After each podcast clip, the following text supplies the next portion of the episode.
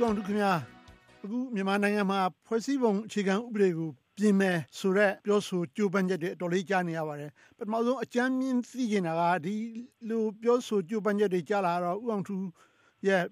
တုံ့ပြန်မှုပေါ့လေဘလောက်အကောင်းမြင်တဲ့သဘောထားနဲ့တုံ့ပြန်မိပါသလဲဟာလကားပါကွာဆိုပြီးတော့များတုံ့ပြန်မိပါလားအဲ့ဒါကိုအကြမ်းမြင့်သိကြပါအဲယူယူရသားစကားနဲ့ပြောရင်တော့အဲ့ဒီအတိုင်းပြောမှာပါပဲ။ဘာကြောင့်လဲဆိုတော့ဒေါန်ဆန်းစုကြည်လွတ်တော်ရဲ့ရောက်တာ 6နှစ်လောက်ရှိသွားပြီ။ဝစီကိုပြင်မယ်လို့ဒီဘုံများစွာကြိုးပမ်းနေတယ်။လွတ်တော်ထဲမှာလည်းကြိုးပမ်းတယ်လွတ်တော်ပြင်ပမှာလည်းကြိုးပမ်းတယ်။လက်မှတ်ထိုးတာလည်း9သန်းလောက်ရနေပြီ။မဖြစ်ဘူး။အမှန်တန်ကိုရေးကြီးတဲ့နိုင်ငံတကာပြည်မှုကြီးကျူးလွန်တဲ့အဆင့်ကိုရောက်ပြီးတော့ကုလသမဂ္ဂကျဲလက်ရှာဖွေးမရှင်ကဒီစစ်ကောင်းတိုင်းကိုရေးယူဖို့လိုအပ်တယ်လို့တင်သွင်းတဲ့အဆင့်အထိကိုဒေါန်ဆန်းစုကြည်ကစစ်ကောင်းဆောင်တွေရှိပါမမရက်ပြီးအာကွယ်ပြီးတဲ့အဆင့်မျိုးလှုပ်လာခဲ့တော့ညာလေပဲ ဘာမှဖြစ်မလာတော့ဖြစ်မလာတော့အခု2020ရွေးကောက်ပွဲနီးလာတဲ့အချိန်မှာဖွဲ့စည်းပုံချီအောင်ဥပဒေကိုပြင်မယ်ဆိုတဲ့ကြိကိုတစုံတရာလုပ်လို့ရတယ်ဆိုတဲ့အနေအထားမျိုးဖန်တီးပြီးလိုက်ဖို့လိုအပ်လာတယ်တကယ်တော့နှစ်တာရကြတဲ့ကြိုးရိုးကြတဲ့ဘယ်ဖွဲ့စည်းပုံပြဋ္ဌာန်းချက်ကိုမှပြင်ပြီးမှမဟုတ်ဘူးဆိုတော့ရေးမပါလို့တဲ့ပြဋ္ဌာန်းချက်ပေါ့ဗျာအဲ့မှာအဓိကကြတဲ့ကျွန်တော်တို့နားလည်တော့ပြောရင်ပေါ့လေစစ်တပ်က25ရာခိုင်နှုန်းယူထားတဲ့ကိစ္စ ဥပဒေပြုဖွဲ့စည်းမှာနောက်တစ်ခုဝန်ကြီးဌာနသုံးခုချုပ်ကင်ထားတဲ့ကိစ္စနောက်တစ်ခုကတိုင်းရင်းသားအရေးနဲ့ပတ်သက်ပြီးတော့တိုင်းရင်းသားတွေရဲ့ပြည်နယ်တွေမှာဥချုပ်ရေးအာဏာ executive power ကိုပြည်နယ်တွင်းကအမတ်တွေရဲ့ဆန္ဒတဲ့ဗဟို NLD ရဲ့ဆန္ဒအတိုင်းခန့်အပ်တဲ့ဆိုတဲ့ကိစ္စတွေလို့ကျွန်တော်ထင်ပါတယ်အဲ့ဒီထဲမှာတိုင်းရင်းသားအရေးနဲ့ပတ်သက်လို့ကလုံးဝမဖြစ်နိုင်ဘူးလားခင်ဗျာဒီကိစ္စနဲ့ပတ်သက်ပြီးတော့စစ်တပ်ဘက်ကလည်းပဲသဘောတူမယ်ဆိုတဲ့လေသံထွက်ပါတယ်ခု နနောက်ဆုံးပြောတဲ့မှာပုံမှန်နေ61အဲ့ဒါကတိုင်းရင်းသားရေးနဲ့ဆိုင်တာပဲအဲ့ဒီလိုပြန်ရန်ချက်မျိုးကိုပြင်ကောင်းပြင်ပေးနိုင်တယ်ပြင်ကောင်းပြင်ပေးလိုက်နိုင်တော့ညာလည်းပဲတိုင်းရင်းသားတွေကကိုယ့်ပြည်နယ်မှာကိုကိုယ့်ရဲ့လူမျိုးကိုကိုစားပြုတဲ့ဒီဥပဒေတွေဖြစ်လာတော့နိုင်တော့ညာလည်းပဲဒီအနှစ်သာရရတော့ဘာမှတူတက်လာမှာမဟုတ်ဘူး။အကြောင်းလဲဆိုတော့ဖက်ဒရယ်ပြည်တော်စုပုံစံတော်ကိုသွားတဲ့အခါမှာ ဒီကအရင်ကအကြဆုံးကတရားစီရင်တရားစီရင်ရလွတ်လပ်ဘဲမလိုက်ထင်မြက်ပြီးတော့အင်မတန် powerful အားကောင်းတဲ့တရားစီရင်ဖြစ်ရမယ်။ဒီနော်ကြီးဖွဲ့စည်းပုံခြေခံဥပဒေအောက်မှာဘယ်တော့မှမဖြစ်နိုင်ဘာကြောင့်လဲစစ်ဖက်ဆိုင်ရာတရားစီရင်ရရှင်ပြိုင်တရားစီရင်ဖြစ်နေ separate existence ဖြစ်နေဒါကြောင့်စစ်ဖက်ဆိုင်ရာတရားစီရင်ကိုလုံးဝဖြုတ်ရဖြစ်နေဘယ်တော့မှစစ်မှန်တဲ့ဆိုရယူအောင်မတော်နိုင်ဘူးဆိုတော့အခုဖွဲ့စည်းပုံထဲမှာတရားစီရင်ရေးဟာ တကယ် separation of power ပြပြသားသား ပြဋ္ဌာန်းမထားရဘူးဆိုတဲ့သဘောလားခင်ဗျာရပ်ဖက်ဆိုင်ရာတရားစီရင်ကိုအဲ့လိုပြဋ္ဌာန်းမထားတဲ့အပြင်ရှင်ပြိုင်တရှိနေတဲ့စစ်ဖက်ဆိုင်ရာခုံရုံးဟာဒီကိုဆိုးပါတယ်ဆိုးဝါးလုံးဝကြီးတယ်ဒီကမ္ဘာလုံးကဘယ်နိုင်ငံမှာမှမရှိဘူးအဲ့အောက်မှာဘာမှလုပ်လို့မရဘူးဘာပြဿနာတက်လာတက်လာစစ်တပ်ကျူးလွန်တဲ့ကိစ္စတွေဘာမှရေးကြလို့မရဘူးအဲ့တော့ကိုပြည်နယ်မှာကိုအမတ်ကဟာလား ပြည်နယ်ဝန်ကြီးချုပ်ဖြစ်သွားတော့ညာလေပဲအဲ့ပြည်နယ်ဝန်ကြီးချုပ်မှာဘာအာဏာမှမရှိဘူးဘာကြောင့်လဲဆိုတော့ပြည်နယ်ဖွံ့ဖြိုးရေးလုပ်တော့မယ်ဆိုရင်ငွေလိုတယ်လေကငွေဘယ်အစီအစဉ်လာမလဲအဲ့ဒီငွေငွေကြေးစီမံခန့်ခွဲမှုကိုယ့်အနေကိုဒီနေ့မှာလေပတ်နိုင်တဲ့နေသားမရှိဘူးဥပမာဆိုကြပါစို့ဗျာကြောက်ထွက်တဲ့ပြည်နယ်မှာကြောက်ကရလာတဲ့ဘာနာငွေကြီးကိုသူ့ပြည်နယ်မှာသူစီမံခန့်ခွဲပိုင်ခွင့်မရှိဘူး အဲ့တော့ဘ ਹੁ ဘယ်လောက်ပေးရမလဲဆိုတာမျိုးအဲ့ဆိုရင်တော့ပြည်နယ်မှာစီမံခန့်ခွဲပိုင်ခွင့်ရှိတယ်ပြီးတော့ကြောက်ထွက်တဲ့ပြည်နယ်မှာကျတော့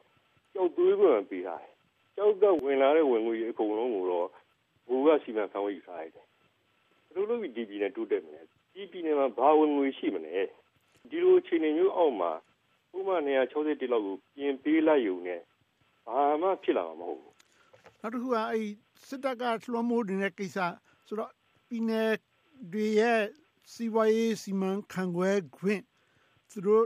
ပြည်နယ်ထွက်သယံဇာတအပေါ်မှာသူတို့ရဲ့ဩဇာတစုံတရာအတိုင်းအတာထိသူတို့ရပိုင်ခွင့်တွေကိုတော့မှမပြင်နိုင်ဘူးဆိုရင်စစ်တပ်ကပိုချုပ်ကင်ထားတဲ့ဆိုတဲ့ကိစ္စတွေနဲ့ကြတော့ပိုပြီးတော့ခက်ခဲမဲ့သဘောရှိနေတာပေါ့ခင်ဗျာဒီကိုခက်ခဲတာပေါ့အဓိကဘာကြောင့်ခက်ခဲလဲရာကိစ္စအားလုံးကာလုံလက်ထဲမှာရှိတယ်ကြတော့ကာလုံဟာအနာရီတော့ကိုချုပ်ကင်ထားလိုက်တာပဲကာလုံက သုံးပြီးရတော့ဒီဘယ်တော့မှဘာမှလုပ်လို့မရဘူးဒေါ်ဆန်းစုကြည်တော့ဒီဘာမှကိုလုပ်လို့မရဘူးအဲ့တော့သူ့ကိုဟာလာဒီဒီနိုင်ငံပြည်ဆိုင်ရာတရားရုံးတွေယူဆောင်ရချင်းမှကာကွယ်ပြီးထားတဲ့အတွက်ဆုလက်ပြန်ပြီးတဲ့အနေနဲ့အဲ့လိုပိုးမမျိုးလေးတချို့ကိုပြင်ပြီးကောင်းပြင်ပြီးနိုင်တယ်အဲ့တော့အဲ့လိုပြင်ပြီးလိုက်ပြီးအဲ့ဒါလက်ခံရင်ဆက်သွားနေတဲ့ကလာပတ်လုံးတော့ဒီအနာရှင်စနစ်ဆက်လက်သက်ဆိုးရှိနေပြီးတော့ဒီကြုံစဆက်ခင်းနေဦးမှာပါဗျာအဲ့တော့ ဒီဖွဲ့စည်းပုံတစ်ခုလုံးကဟိုတစားဒီစားပြင်နေုံနဲ့မဖြစ်ဖြစ်နဲ့တကယ်နေလို့မရတဲ့အိမ်အိုကြီးလိုပဲလုံးဝဆွဲဖြူပြီးတော့အစ်စ်ပြန်ဆောင်မဲ့သဘောဖြစ်နေတာပေါ့ဗျာအာသိရှင်းတော့ဗျာအဲ့တိုင်းဥကူနီပြောခဲ့တာပဲဥကူနီပြောခဲ့တာသိရှင်းတာပဲကျွန်တော်လည်းအဲ့တိုင်းပြောခဲ့တာကြာပြီဗျာတက်သွားလေတိုင်းကြီးနေပူဆိုးလေလူတွေဆင်းရဲနဲ့လေပြဿနာပေါင်းစုံတက်လေတကယ်ပေါင်းစုံတက်လေအခုကြည့်လေခင်ဗျာအသေးပဲမှမရှိပဲဒီရခိုင်ကြီးနယ်မှာ ဒီလောက်တိအောင်စစ်ပွဲတွေဖြစ်ပြီးတိုင်းမတည်မြင်ဖြစ်နေတဲ့ကိစ္စကြီးမှာ investment ဒီလာလုံးကြပါဆိုပြီးတော့ဒေါ်စန်းစုကြည်ကဖိတ်ခေါ်တယ်ဆိုတဲ့မျိုးထွက်လာဘလောက်များသဘောမကျလိုက်လဲစဉ်းစားကြည့်တာပါရင်းချင်းရောက်မလုပ်နိုင်ပဲနဲ့ဘယ်တော့မှတိုးတက်ဝင်မရနိုင်ဘူးနောက်တစ်ခုကဖွဲ့စည်းပုံပြင်ဆင်ရေးအသိခက်အောင်လုပ်ထားတယ်ပေါ့လေလွှတ်တော်မှာမဲစနစ်နဲ့သွားမယ်ဆိုရင်တို့ပေမဲ့လူလူဆန္ဒခိုင်ပွဲလုပ်ပြီးတော့ဒီဟာကိုရုပ်သိမ်းနိုင်တယ်ဘာညာဆိုတော့အလားအလာတစ်ခုလည်း ထောက်ပြကြတာရှိရတယ်ဥပဒေပညာရှင်တွေကဆိုတော့အဲ့ဒီကအထိလုံးမဲ့အခြေအနေရောဗမာပြည်မှာပြေးပါမလားဗျာလူလူဆန္ဒခိုင်ပွဲနဲ့တော့ရုပ်သိမ်းမှုတော့မဖြစ်ဘူးလူလူရှာမှုနဲ့ရုပ်သိမ်းမှမရတယ်လူဆန္ဒခိုင်ပွဲလုပ်ခွင့်ပေးပါဘူးမဟုတ်ဘူးလူလူလှုပ်ရှားမှုကိုစစ်တပ်ဘက်ကခွင့်ပြုပါမလားဆိုတာလည်းမေးစရာဖြစ်လာတာပေါ့ဖြစ်လာတယ်သို့တော်လည်းပဲသူ့အဖွဲ့အစည်းအပြောင်းလဲဖြစ်တာဟာ အာဏာရှင်တွေအလိုကျနဲ့ဖြစ်သွားတာမဟုတ်ပါဘူးအာဏာရှင်တွေရဲ့အလိုဆန္ဒကိုဆန့်ကျင်ပြီးဖြစ်သွားခဲ့ကြတာလေအဲ့လိုကျွန်တော်တို့စဉ်းစားမှာဖြစ်ပါတယ်နောက်တစ်ခုကျွန်တော်နမူနာနှိုင်းရှင်ပြီးတော့လူတွေတော်များများနှိုင်းရှင်ပြောရတယ်ဒီစစ်တပ်ရဲ့ကြီးစိုးမှုကနေပြီးတော့တဖြည်းဖြည်းဒီမိုကရေစီအသွင်ပြောင်းသွားတဲ့အထက်မှာအင်ဒိုနီးရှားနမူနာနဲ့နှိုင်းရှင်ပြီးပြောကြတာလည်းစီကြပါတယ်ဆိုအဲ့ဒီကိစ္စနဲ့ပတ်သက်ပြီးတော့ဥအောင်ထူကဘယ်လိုနှိုင်းရှင်သုံးသပ်လိုပါလဲအင်ဒိုနီးရှားနမူနာက လူအဖွဲ့အစည်းအခြေခံပြောင်းသွားတာအင်ဒိုနီးရှားမှာအဓိကမီဒီယာတွေဖိနှိပ်မှုတွေတက်လာတဲ့အခါမှာမီဒီယာတွေဘက်ကဝိုင်းရက်ကြတယ်အဲအင်ဒိုနီးရှား Legal Foundation ဆိုတာရှိတယ်နောက်ကအများကြီးဘက်ကင်ပြလိုက်တယ်ဒီ pressure နဲ့အင်ဒိုနီးရှားပြောင်းသွားတာရိုးပြောင်းသွားတာမဟုတ်ဘူးအနာရှင်ကစူအတူကသဘောကျလို့အဲဒါရီနောက်ဆုပြီးရတာမဟုတ်ဘူးလူတို့ကတိုက်ပြီးတော့ယူလိုက်တာဖြစ်တယ်မြန်မာပြည်မှာလည်း88တုန်းကတော့တိုက်ခိုက်ရတာပဲ နောက်ပြီးတော့မီဒီယာမြန်မာပြည်ကမီဒီယာကအင်ဒိုနီးရှားမီဒီယာနဲ့ဘယ်လိုကွဲလွဲနေလို့ခင်ဗျပြည်တွင်းမီဒီယာကိုပြောတာလားနိုင်ငံတကာမီဒီယာကိုပြောတာလားမသိဘူးပြည်တွင်းမီဒီယာလေအာဒီမှာမီဒီယာတွေပြဿနာတက်သွားတဲ့အခါကျတော့မီဒီယာတွေဘက်ကလူလူကရက်တယ်နောက်ပြီးတော့ဒီဥပဒေအဖွဲ့အစည်းတွေရက်ပြီးတော့လူလူလှုပ်ရှားမှုဖြစ်သွားတယ်အဲဒီမှာအဓိကပြောင်းလဲဖြစ်သွားတာလေဆိုတော့နောက်ဆုံးအနေနဲ့ မြန်မာပြည်မှာ ဖွဲ့စည်းပုံအခြေခံဥပဒေကို မပြောင်းလဲရင် တိုင်းပြည်တိုးတက်စရာ ရှေ့တိုးစရာ ဘာမှလမ်းမရှိဘူးဆိုတော့ ဖွဲ့စည်းပုံ ပြောင်းလဲနိုင်မဲ့အသင့်လျော်ဆုံး လူတို့ရဲ့သက်မစဒီဝဲနဲ့ ပြောင်းလဲနိုင်မဲ့ဤကိုရှိပါသေးရဲ့လား ရှိတော့ဗျာဒီအခုကြီးလာတဲ့အခြေအနေကိုကြင်ပြီးတော့ ပထမတစ်ချက်က2008ဖွဲ့စည်းပုံအခြေခံဥပဒေ ရှိနေတဲ့ကာလပတ်လုံး ငါတို့ဘဝကို ငါတို့ပြည်တော်စုတစ်ခုလုံးဘဝကိုဘယ်တော့မှမကောင်းဘူးဆိုတော့ရှင်းရှင်းနားလည်လက်ခံဖို့လိုပါတယ်ဒုတိယချက်ကကိုလူချင်းတဲ့ဖရယ်ပြောင်းဖွဲ့စည်းပုံကပါလဲကိုပြည်နယ်တွေလူချင်းတဲ့ပြည်နယ်ဖွဲ့စည်းပုံခြေခံဥပဒေကပါလဲအဲ့ဒီဖွဲ့စည်းပုံခြေခံဥပဒေကိုကိုယ့်အကူပြင်ဆင်ရေးဆွဲလှူချောင်းမှုအားကောင်းပေါ်လာကြည့်တမ်းပါ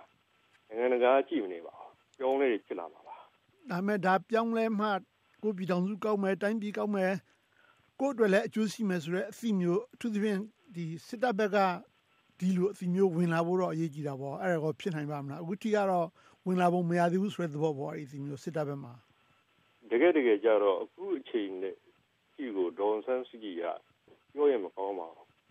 ပေမဲ့တိုင်းပြည်နာလုံးအကြီးလို့ပြောတာပါစစ်အာဏာရှင်တွေကိုကာကွယ်ပေးနေသေးလို့ပါအဲ့ဒီတစ်ချက်ကရှေ့မှာတက်ပြီးတော့ဖန်နေလို့ပါ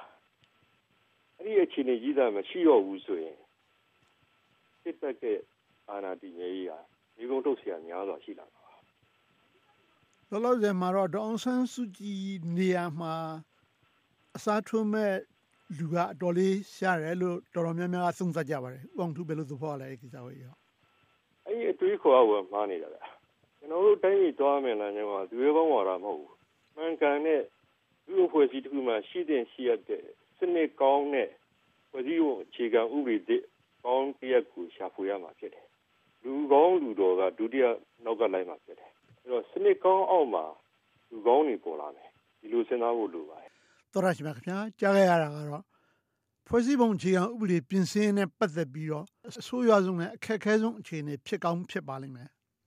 ဒါပေမဲ့အခြေအနေရရက်ကိုထဲထဲဝင်ဝင်နဲ့အလားအလာဘယ်လိုရှိနိုင်လဲဆိုအောင်နားလည်သဘောပေါက်နိုင်ဖို့အတွက်တင်ပြလာရတာဖြစ်ပါတယ်လို့ပြောကြရင် ဒီတစ်ပတ်အစီအစဉ်ကိုဒီမှာရင်းညီကုန်းချုပ်လိုက်ပါရခင်ဗျာကျေးဇူးတင်ပါတယ်